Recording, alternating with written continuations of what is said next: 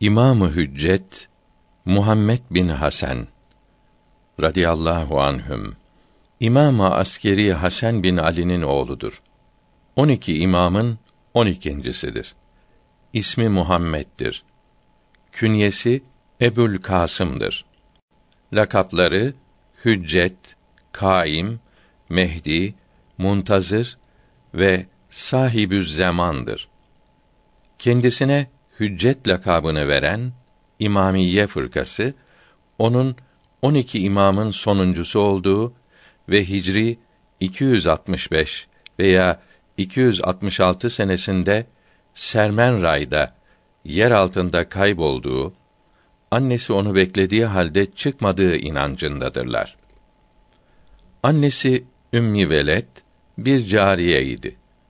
Annesinin isminin Saykal, Sevsen, Nercis veya başka olduğu söylenmiştir.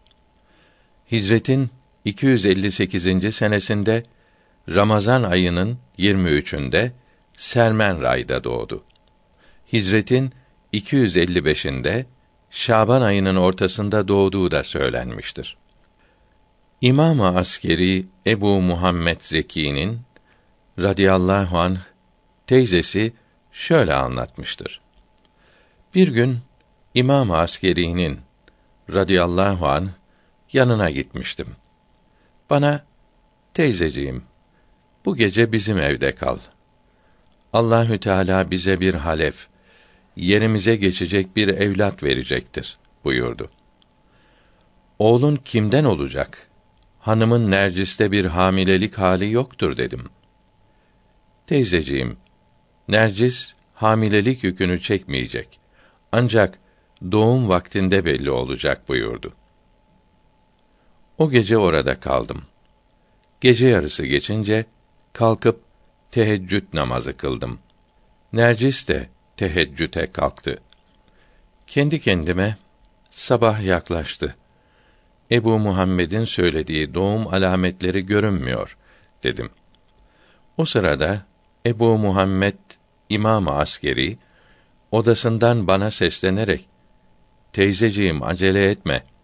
Nercis'in bulunduğu odaya git." dedi. Gittim. Nercis beni karşıladı. Vücudu titriyordu.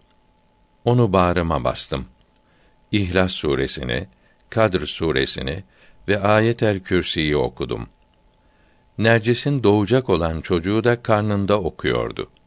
Sonra o da aydınlandı. Baktım çocuk doğmuş ve yerde yatıyordu. Hemen kaldırdım. O sırada İmam-ı Askeri odasından seslenerek "Teyzeciğim, oğlumu getir." dedi. Çocuğu sarıp götürdüm. Çocuğu alıp mübarek dilini ağzına götürüp Allahü Teala'nın izniyle konuş buyurdu. Çocuk Bismillahirrahmanirrahim dedi. Ve meali şerifi biz ise istiyorduk ki o yere güçsüz düşürülenlere lütufta bulunalım. Onları önderler yapalım. Onlara ötekilerin yerini aldıralım. Olan Kasas suresinin beşinci ayetini okudu. O sırada etrafımızı yeşil renkli kuşlar sardılar. İmam-ı Askeri radıyallahu an onlardan birini çağırdı. Bunu tut ve Allahü Teala'nın emrinin erişmesine kadar sakla buyurdu. O kuşun çevresindeki kuşların ne olduğunu sordum. O kuş şeklinde gördüğümüz Cebrail aleyhisselam, diğerlerinin de rahmet melekleri olduğunu söyledi. Sonra çocuğu annesine götür buyurdu. Meali şerifi böylelikle biz onu gözü aydın olsun, gam çekmesin ve Allah'ın vaadinin gerçek olduğunu bilsin diye annesine geri verdik. Fakat yine de pek çoğu bunu bilmezler olan Kasas suresinin 13. ayeti kerimesini okudu. Onu alıp götürdüm. Doğduğu zaman göbeği kesilmiş ve sünnet olmuş idi. Sağ kolunda meali şerifi hak geldi, batıl yıkılıp gitti. Zaten batıl yıkılmaya mahkumdur olan İsra suresi 81. ayeti kerimesi yazılıydı. Doğduğunda iki düzü üzerine oturup şahadet parmağını kaldırdı. Sonra aksırdı ve elhamdülillah dedi. Başka birisi şöyle anlatmıştır. Bir gün İmam-ı Askeri'nin radıyallahu anh huzurundaydım. Senden sonra halefin yerine geçecek olan kimdir diye sordum. Odasına gitti. Kucağında ayın on dördü gibi parlayan üç yaşlarında bir çocukla geldi. Eğer sen Allahü Teala indinde mükerrem bir kimse olmasaydın bu oğlumu sana göstermezdim. Bunun ismi Resulullah'ın sallallahu aleyhi ve sellem ismi gibi, künyesi de onun künyesi gibidir. Zulm dolu olan yeryüzü bunun zamanında adaletle dolacaktır buyurdu. Bir diğer şahs şöyle anlatmıştır. Bir gün Ebu Muhammed İmam-ı Askeri'nin radıyallahu anh huzurundaydım. Sağ tarafında bir oda gördüm. Kapısında perde çekilmişti. Sizden sonra sizin vazifenizi yapacak olan vasiniz kim olacaktır dedim. Bana şu odanın kapısındaki perdeyi kaldır buyurdu. Perdeyi kaldırdım. İçerden nur yüzlü bir çocuk çıktı. Sağ yanağında bir ben vardı ve saçları uzuncaydı.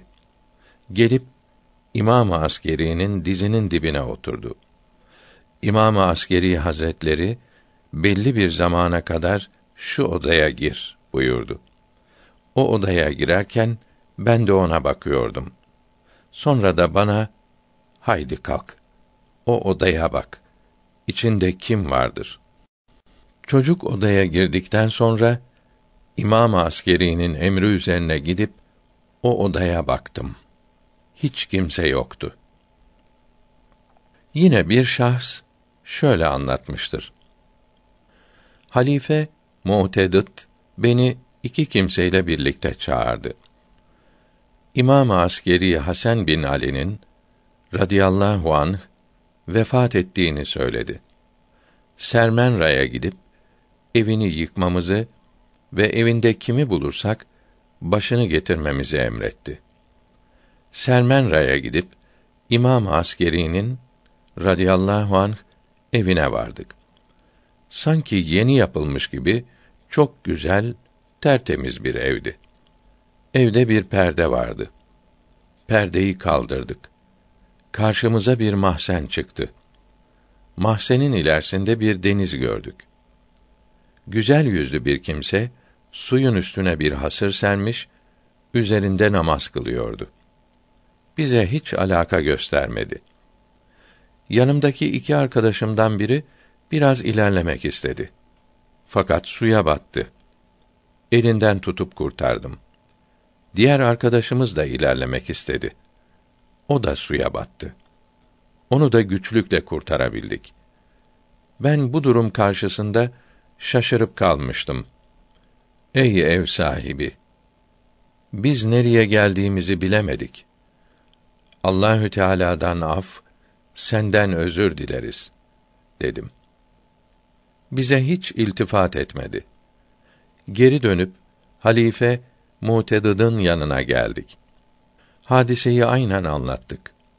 Halife, bu sırrı gizleyiniz. Kimseye anlatmayınız. Yoksa sizin başınızı vurdururum, dedi. Şiilerin İmamiye fırkası, İmamı Hüccete iki çeşit gaybet, kaybolma isnad ederler. Birincisi, doğumundan sefaretin imametinin sonuna kadar olan kısa zamanda olan gaybeti. İkincisi uzun gaybeti olup sefaretin imametin sona ermesinden Allahü Teala'nın yeniden onu ortaya çıkarmasını takdir ettiği zamana kadar olan gaybettir. İmam-ı Hüccet'in radıyallahu an kısa gaybetinde iki elçisi vardır. Onlar insanların ihtiyaçlarını gidermekte ve suallerine cevap vermekte İmamı Hüccet ile insanlar arasında vasıtadır derler. Elçilik Ali bin Muhammed adlı bir şahısta son bulmuştur.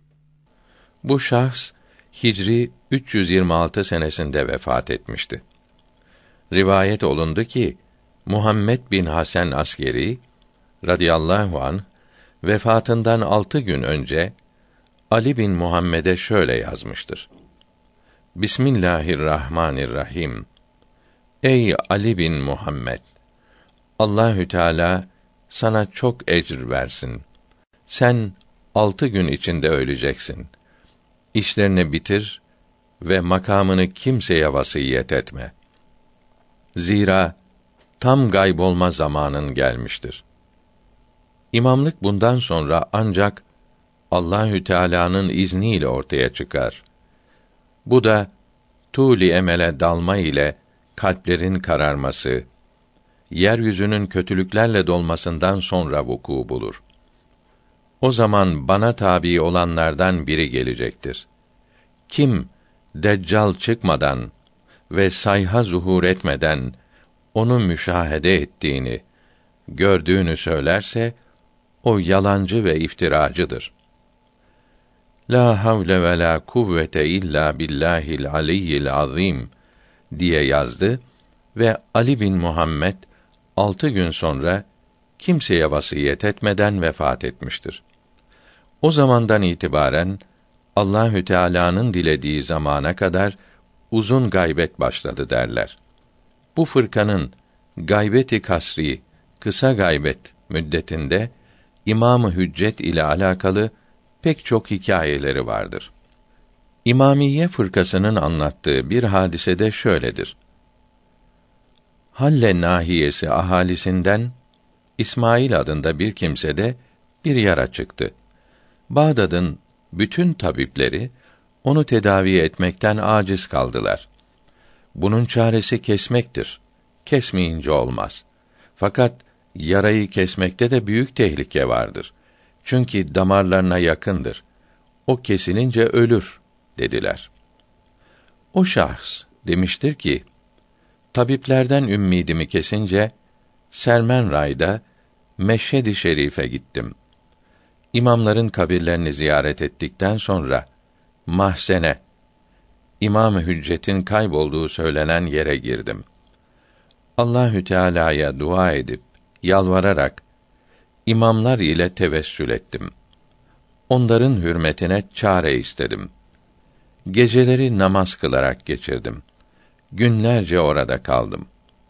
Bir gün Dicle kenarında gusl abdesti aldım. Temiz elbiseler giydim ve Meşhedi Şerif'e gittim. Orada dört atlı kişi gördüm. Kılıç kuşanmışlardı. Biri elinde mızrak tutuyordu. Birisi de hırka giyinmişti. Onların Meşhed'in ehlinden olduklarını zannettim. Yanıma gelince selam verdiler. Selamlarını aldım. Elinde mızrak tutan kimse, üzerinde hırka bulunan kimsenin sağ tarafına durdu. Diğer iki kimse de sol tarafında durdu.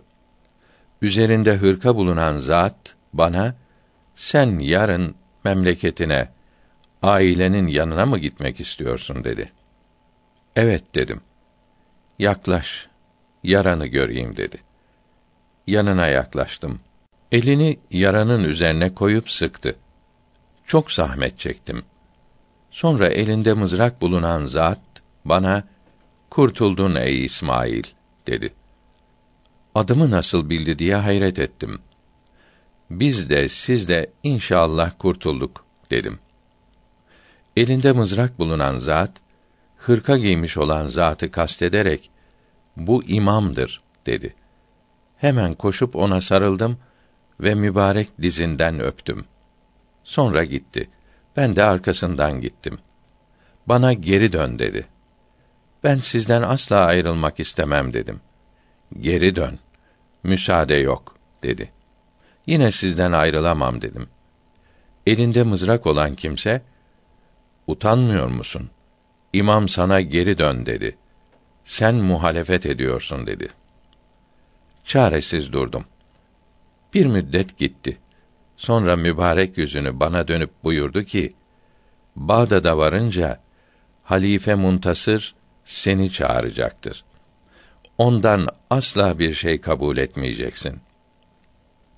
Onlar gözden kayboluncaya kadar orada durdum. Sonra Meşhed'e gittim. O dört atlı kimseleri sordum. Bu beldenin seçilmiş, şerefli kimseleridirler, dediler. Birisi imam idi, dedim. İmam elinde mızrak bulunan mıydı, yoksa hırka giymiş olan mıydı, diye sordular.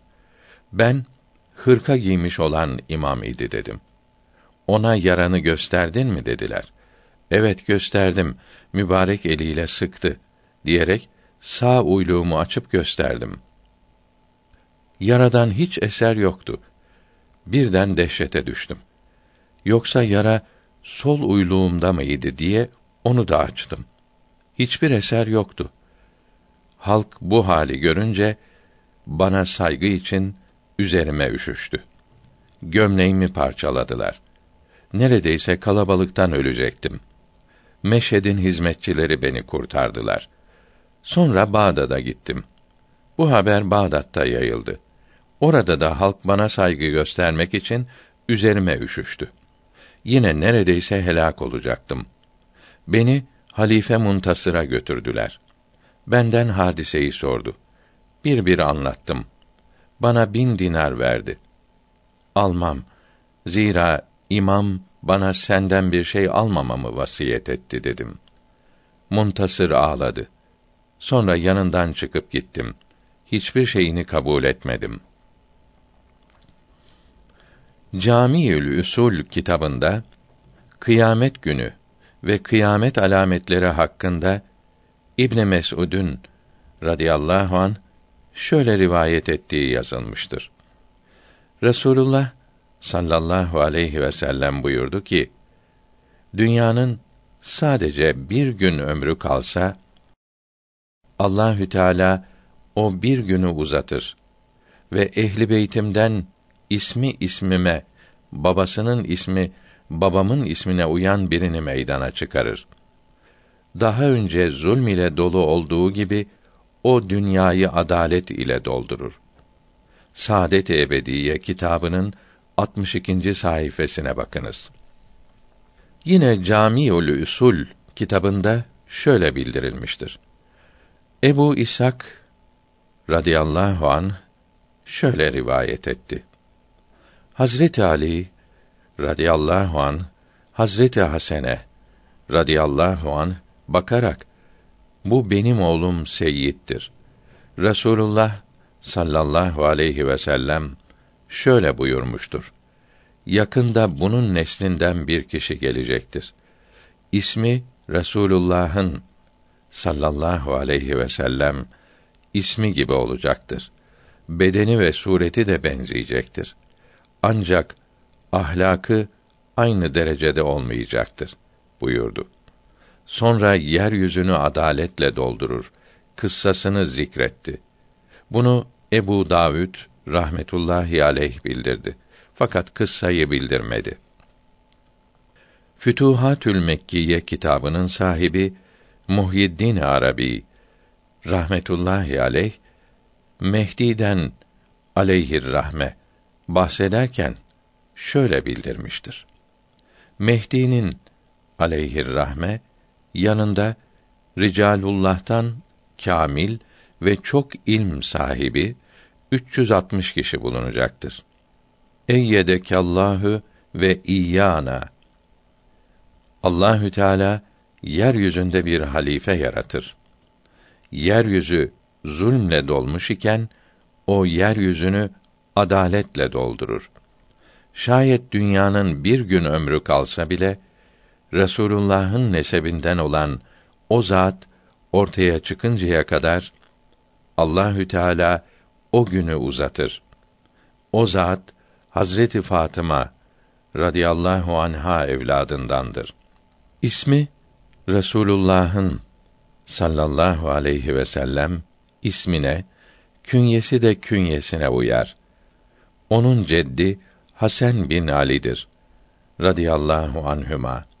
Kâbe'de Hacerül Esved rüknü ile makamı İbrahim arasında ona biat edilir. Yaratılışı, bedeni Resulullah'a sallallahu aleyhi ve sellem benzer. Ancak ahlakı aynı derecede olmaz. Hiç kimse huluk, huy bakımından Resulullah'ın sallallahu aleyhi ve sellem derecesine ulaşamaz. Çünkü Allahü Teala Kalem suresi dördüncü ayetinde mealen şüphesiz ki sen huluku azim üzeresin buyurdu. Hakikat ehli, keşf ve şuhut sahibi arifler ona biat ederler. Allah adamları onun davetine icabet ederler ve ona yardımcı olurlar. Memleketin yükünü çekmekte ve Allahü Teala'nın ona yüklediği sorumlulukta ona yardımcı olurlar. Allahü Teala başkalarından gizlediği keşf ve şuhut yoluyla hakikatlere muttali kıldığı kullarını ona vezirler, yardımcılar yapar. O da onlarla istişare ederek isabetli kararlar verir. Çünkü onlar hakikati bilen ariflerdir. Mehdi de aleyhir rahme lazım olduğu kadar her şeye Allahü Teala tarafından müttali kılınır. Çünkü o kendisine hak bildirilmiş olan bir halifedir. Hayvanların konuşmalarını anlar. Adaleti insanlar ve cinler arasında yayılır. Şeyh Alaüddevle Ahmet bin Muhammed Semnani kuddise sirruh ebdal ve kutuplardan bahsederken şöyle buyurmaktadır. Muhammed bin Hasan el Askeri radıyallahu anhü ve an abaihil kiram temiz ehli beyt imamlarındandır. Kutbiyet mertebesine ulaştı. Gizlendiği zaman ebdal dairesine girdi. Derece derece ilerleyerek efradın en üstünü oluncaya kadar yükseldi. O sırada Kutb Ali bin Hüseyin el-Bağdadi idi. O vefat edince Şunizeyh denilen yere defnedildi. Cenaze namazını Muhammed bin Hasan askeri kıldırdı. Radiyallahu anhüma. Onun makamına oturdu. Yani yerine geçti. 19 sene kutpluk makamında kaldıktan sonra vefat etti. Cenaze namazını Osman bin Yakup ve talebeleri kıldılar. Medine'ye defnedildi. Onun yerine Osman bin Yakup el-Cüveyni el-Horasani geçti. Osman bin Yakup el-Cüveyni Acem diyarında vefat edince cenaze namazını Abdurrahman bin Avf'ın radıyallahu an torunlarından Ahmet Küçük kıldırdı ve onun yerine geçti. Kabri üzerinde türbe yoktu. Onlardan başkası kabrini bilmezdi. Her sene ziyaret ederlerdi. Nakledilen hadisi i şerifte ve Hazreti Ali'nin radıyallahu an sözünde Mehdi'nin aleyhir rahme ahir zamanda geleceği zulm ile dolu olan yeryüzünü adaletle dolduracağı bildirildi. Mehdi'nin ismi Muhammed, babasının ismi Abdullah olacaktır. Hazret Ali'nin radıyallahu an neslinden olacak. Künyesi de Hazreti Hüseyin'in radıyallahu an künyesi gibi Ebu Muhammed olacaktır. Allahü Teala'ya hamdolsun ki 12 imamın radıyallahu anhum ecmaîn bazı sözlerini, hallerini, harikalarını ve kerametlerini anlatmayı, beyan etmeyi nasip eyledi. Tekrar eshab-ı kiramın aleyhimür rıdvan bazılarının hallerini bildireceğiz. 12 imam radıyallahu anhum ecmaîn evliyalıkta kemal ve fazilette çok yüksektirler. Bunlar hakikat rehberleri olmuşlardır. Ancak bütün kerametlerin, yüksekliklerin 12 imama münhasır olduğu akla gelmesin. ehli beyt içinde çok büyükler gelmişlerdir. Mesela onlardan biri İmamı Muhammed İdris Şafii'dir. Bunlardan bir kısmı meşhur olmuş, bir kısmı ise meşhur olmamıştır. Bunlardan sonra gelen meşhur zatlardan bir kısmını Molla Abdurrahman Camii Hazretleri Nefahatül Üns kitabında Tabakat-ı Sofiyye'de anlatmıştır. İbrahim Sad Alevi, Seyyid Abdülkadir Geylani, Kuddise Sirruh gibi sonra gelen büyükler bunlardandır. Şevahidün Nübüvve kitabını Farisi'den tercüme eden Lamii Çelebi şöyle yazmıştır. Nübüvvet bahçesinin meyvesi, fütüvvet çırağının ışığı, din ve dünyanın sultanı, enbiyanın varisi, Seyyid Muhammed Mehdi, Misbahül Harem, Ali bin Seyyidül Harem, Abdullah bin Seyyid Celaleddin Buhari, Kaddesallahu ruhahü, Hicri 700 senesinin sonlarında Anadolu'ya gelip Bursa'da yerleşmiştir. Osmanlı sultanlarından Sultan Bayezid Han'ın kızı Hundi Hatun ile evlendi. 832 senesinde vefat etti. Mübarek kabri Bursa'dadır. Uzaktan yakından gelen pek çok kimse tarafından ziyaret edilip feyz alınır. Bu fakir Lami Çelebi onun zikri şerifini kısaca yazdığım akşam her nasılsa nezle olmuştum. Gece yarısı uyandım. Boğazımda bademciklerim şişmiş, tükrüğümü yutmaya mecalim kalmamıştı. Bazı ilaçlar kullandım, faydalı olmadı. Uzun müddet o halde oturduktan sonra uykuya dalmışım. Rüyamda bir kimse boğazımı sıvazlıyordu. Kendisini göremiyordum. Birisi bana boğazını sıvazlayan kimdir biliyor musun dedi. Bilmiyorum kimdir dedim. Seyyid Muhammed Buhari kuddise sirruh dedi. O şahsı da göremedim.